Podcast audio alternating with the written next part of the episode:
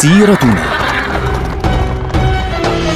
مع الدكتور عبد الله معروف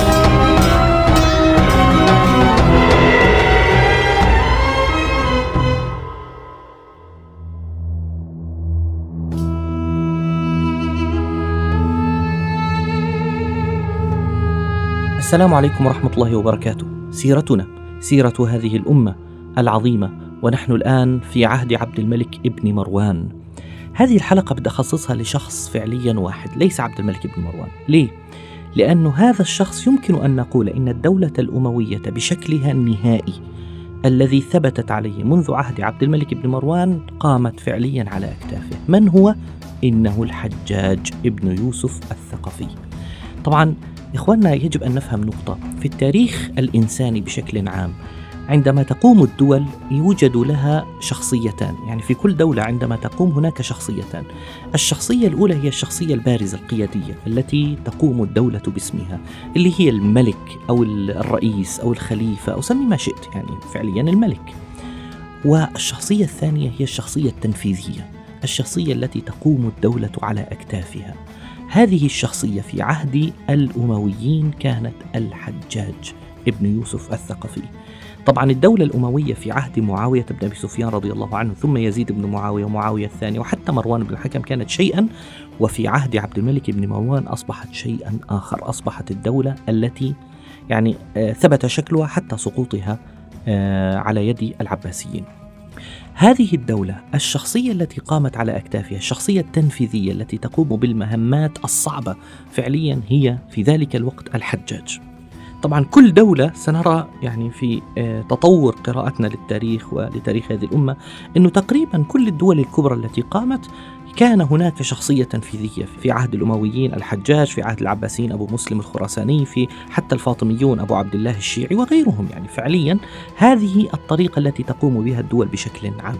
الحجاج ابن يوسف هو الذي تمكن من القضاء على خلافة عبد الله بن الزبير رضي الله عنه وتعسف كثيرا في بعد ذلك في الحجاز حتى إنه ختم على رقاب أصحاب النبي صلى الله عليه وسلم وظلمهم. ويعني تكلم بقسوة شديدة جدا مع السيدة أسماء بنت أبي بكر رضي الله عنها وأرضاها عندما قتل عبد الله بن الزبير رضي الله عنه. لكن في النهاية أمر عبد الملك بن مروان بعزله عن الحجاز. طبعا العزل فعليا هو شيء مؤلم لأي شخصية خاصة بشخصية كبيرة مثل الحجاج. لكن عبد الملك بن مروان كان يقول هذا الرجل إذا أطلقناه يعني هو مثل إن صح التعبير الروبوت. تطلقه ينفذ انتهى الموضوع. لا يرى أي شيء إلا مهمته فينفذها وينتهي الأمر. فلذلك أخذه إلى الشام. في نفس الوقت الذي أخذ فيه الحجاج إلى الشام كانت العراق تموج موجا يعني تموج بالفتن والمشاكل والصراعات. لا ننسى أنه أول ما قامت دولة عبد الملك بن مروان واجه المختار الثقفي والمختار الثقفي لم يقضي عليه عبد الملك بن مروان وإنما قضى عليه مصعب ابن الزبير أخو عبد الله بن الزبير. في نفس الوقت لم يعني لم تهدأ العراق بدأت يعني تتحرك وتتحرك وتتحرك. ففي يوم من الأيام يقول عبد الملك بن مروان لمن حوله يقول من لي بالعراق؟ مين يكفيني العراق؟ طبعا العراق سمعتها من أيام سيدنا الإمام علي رضي الله عنه وأرضاه بل حتى من أيام عثمان بن عفان رضي الله عنه سمعتها أنها كثيرة الثورات في ذلك الوقت. فيقول من يكفيني العراق؟ فلم يقف أحد إلا الحجاج. قال أنا أكفيكها يا أمير المؤمنين. فقال لست لها. جلس. فقال من يكفيني العراق؟ فوقف الحجاج وقال أنا لها. قال لست لها. في المرة الثالثة قال من للعراق؟ فقال الحجاج أنا لها. قال خلاص أنت لها يا حجاج. انتهى الأمر. فكتب كتابا إلى أهل العراق وأمره أن يسير إلى هناك. طبعا الحجاج لمن لا يعرف. ولد في الطائف أصلا. هو ولد في الطائف هو كان معلما للقرآن كان يحفظ القرآن كاملا وكان يعلم الصبيان القرآن قبل أن يدخل في سلك الشرطة والجيش بعد ذلك. لكنه طموحه كان أكبر من أنه يعلم فقط الأطفال فخرج إلى الشام انضم إلى الشرطة يعني أثبت قدرته العسكرية في جهاز الشرطة. ثم بعد ذلك دخل في الجيش وأثبت قدراته العسكرية خاصة عندما قضى على عبد الله بن الزبير وخلافته رضي الله عنه. ثم بعد ذلك استلم الآن العراق. تذكر الرواية كثيرة في دخوله للعراق تبين لنا من هو الحجاج. شخصية مذهلة فعليا في دراسة التاريخ في فصاحته وفي عمله وفي ظلمه وعسفه وأيضا حتى في إنجازاته. يعني رجل غريب الأطوار. الآن تذكر الرواية أنه وصل إلى الكوفة.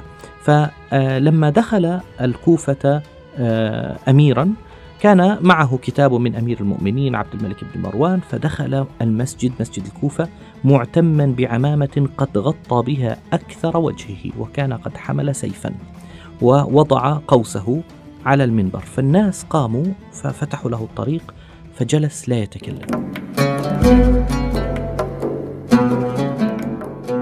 فالناس صاروا يستهزئوا فيه فيقولون قبح الله بني أمية. يستعمل مثل هذا على العراق؟ فواحد من الذين حاصروا عثمان بن عفان رضي الله عنه عمير بن ضابئة يقول ألا أحصبه لكم؟ يعني إيش رأيكم؟ أرمي عليه حجار. فقالوا أمهل حتى ننظر. فلما رأى الناس خلاص هدأوا بيستنوا شو يقول. أزال اللثام عن رأسه وقال أنا ابن جلا وطلاع الثنايا متى أضع العمامة تعرفوني؟ ثم قال يا أهل الكوفة. يا أهل العراق أما والله إني لأحمل الشر بحمله وأحذوه بنعله وأجزيه بمثله وإني لأرى أبصارا طامحة وأعناقا متطاولة وأرى رؤوسا قد أينعت وحان قطافها وإني لصاحبها كأني أنظر إلى الدماء تترقرق بين العمائم واللحى. إني والله يا أهل العراق يا معدن الشقاق والنفاق وسوء الأخلاق. طبعا هو الذي يقول ذلك في زمنه يقول ذلك عن أهل العراق في زمنه. يقول ما يقع لي بالشنان ولا يغمز جانبي كتغماز التين ولقد فتشت عن تجربة وجربت إلى الغاية القصوى. وإن أمير المؤمنين أطال الله بقاءه نثر كنانته. الكنانة اللي هي الغطاء الموجود في السهام. فعجم عيدانها اللي هي السهام بدأ يعني يختبرها أيها أقسى. فوجدني أمرها عودا وأصلبها مكسرا فرماكم بي. لأنكم طالما أوضعتم في الفتن واضطجعتم في مراقد الضلال وسننتم سنن الغي. أما والله لألحونكم لحو العصا. يعني بالعصا راح أضربكم ولأضربنكم ضرب غرائب الإبل. يعني كلام مذهل. فلما نظروا فيه مال مال هذا الرجل ليش هيك بيهدد؟ فأكمل كلامه وقال إن أمير المؤمنين أمرني بإعطائكم أعطياتكم. وأن أوجهكم لمحاربة الخوارج مع المهلب بن أبي صفرة. هناك خطر جديد خطر الخوارج ما زال موجودا. وإني أقسم بالله لا أجد رجلا تخلف بعد أخذ عطائه بثلاثة أيام إلا سفكت دمه وانتهبت ماله وهدمت داره. هذا الرجل لما شافوا الناس هيك خرج من المسجد طبعا تهديد. وهو خارج وفي رواية بتقول بعد ثلاث أيام يعني بعد ثلاث أيام طلع آه ف بهدل الناس. وين العالم؟ مين اللي لسه ما طلعش؟ فجاءه عمير بن ضابئة هذا الذي كان آه، يوم الدار كان في حصار عثمان بن عفان رضي الله عنه. وقال له أنا شيخ كبير يعني تراني شيخا كبيرا فلو أذنت لي أن تأخذ ولدي مكاني مع المهلب بن أبي صفرة. فواحد من الناس قال له هذا عمير بن ضابئة. فقال أولست عمير بن ضابئة الذي كنت في يوم الدار؟ اضربوا عنقه. قتلوا فورا على المكان. ففي ذلك يقول أحدهم يقول تخير فإما أن نزور ابن ضابئ عميرا وإما أن نزور المهلب وإلا فما الحجاج مغمد سيفه مدى الدهر حتى يترك الطفل أشيبه؟ فكانت هذه الوقعة في أهل الكوفة أخذت يعني صدى عظيم بين الناس ارتعبوا أهل العراق. هل اكتفى عند ذلك؟ لا طبعا ذهب إلى البصرة. فلما وصل إلى البصرة دخل جامعها بنفس المشهد المرعب. فأول ما بدأ وقال قد سمعتم ما جرى عند الكوفة عند أهل الكوفة. ووالله لا أقول أقصر من ذلك ولكني أزيد. أيها الناس من أعياه داؤه فعندي دواؤه. ومن استطال أجله فعلي أن أعجله. ومن ثقلت عليه رأسه وضعت عنه ثقله. يعني بقطع له رأسه. ومن استطال ماضي عمره قصرت عليه باقيه. إن للشيطان طيفا وإن للسلطان سيفا فمن سقمت سريرته صحت عقوبته ومن وضعه ذنبه رفعه صلبه ومن لم تسعه العافية لم تضق عنه التهلكه ومن سبقته بادرة فمه سبق بدنه بسفك دمه. إني أنذر ثم لا انظر وأحذر ثم لا أعذر وأتوعد ثم لا أعفو. طبعا كل العالم بسم الله الرحمن الرحيم ماله هذا؟ فيقول لهم إن الحزم والعزم سلباني صوتي وأبدلاني به سيفي فقائمه في يدي ونجاده في عنقي وذبابه قلادة لمن عصاني. والله لا آمر أحدكم أن يخرج من باب من أبواب المسجد فيخرج من الباب الذي يليه لضربت عنقه. فلما قال هذا الكلام نفس الشيء قال لهم ثلاثة أيام تخرجون لقتال الخوارج فخرجوا واستقاموا. هذا الرجل حكم العراق زي ما تقول أنت هدأ هدأت الأمور تماما ولم يواجه إلا ثورة واحدة ثورة ابن الأشعث. كانت ثورة عارمة لأهل العراق فعليا خوفا من آه، الحجاج. طبعا الحجاج آه، أرسل عبد الرحمن بن الأشعث هذا إلى بلاد الترك. سنة 81 للهجرة. فحقق انتصارات ثم بعد ذلك خلع طاعة الحجاج وخلع طاعة عبد الملك بن مروان ثم قاتل العراق.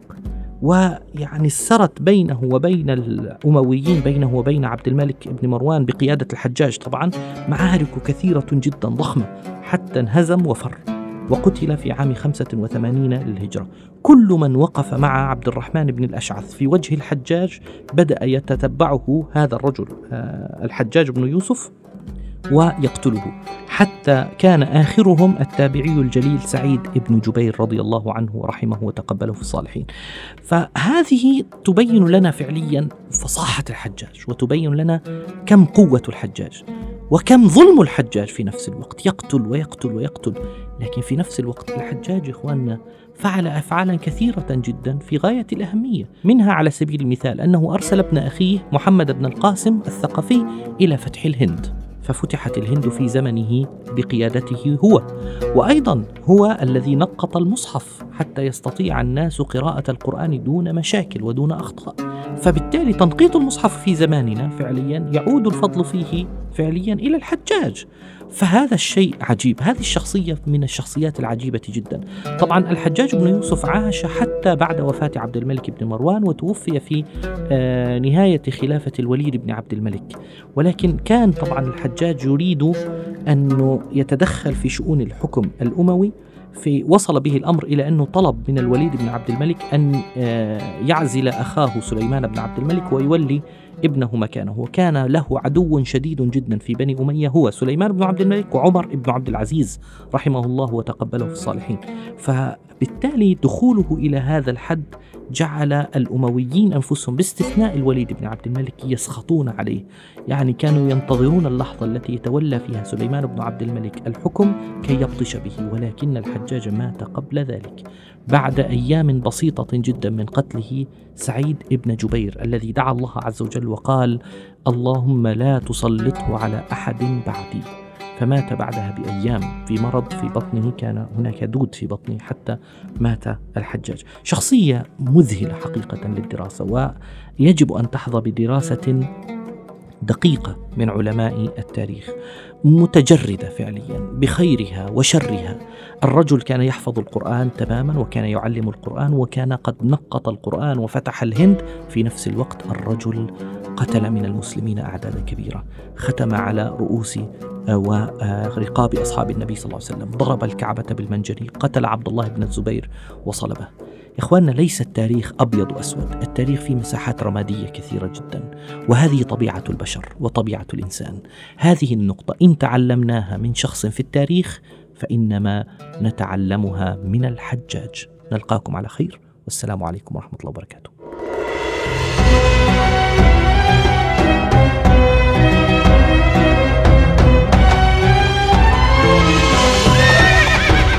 سيرتنا.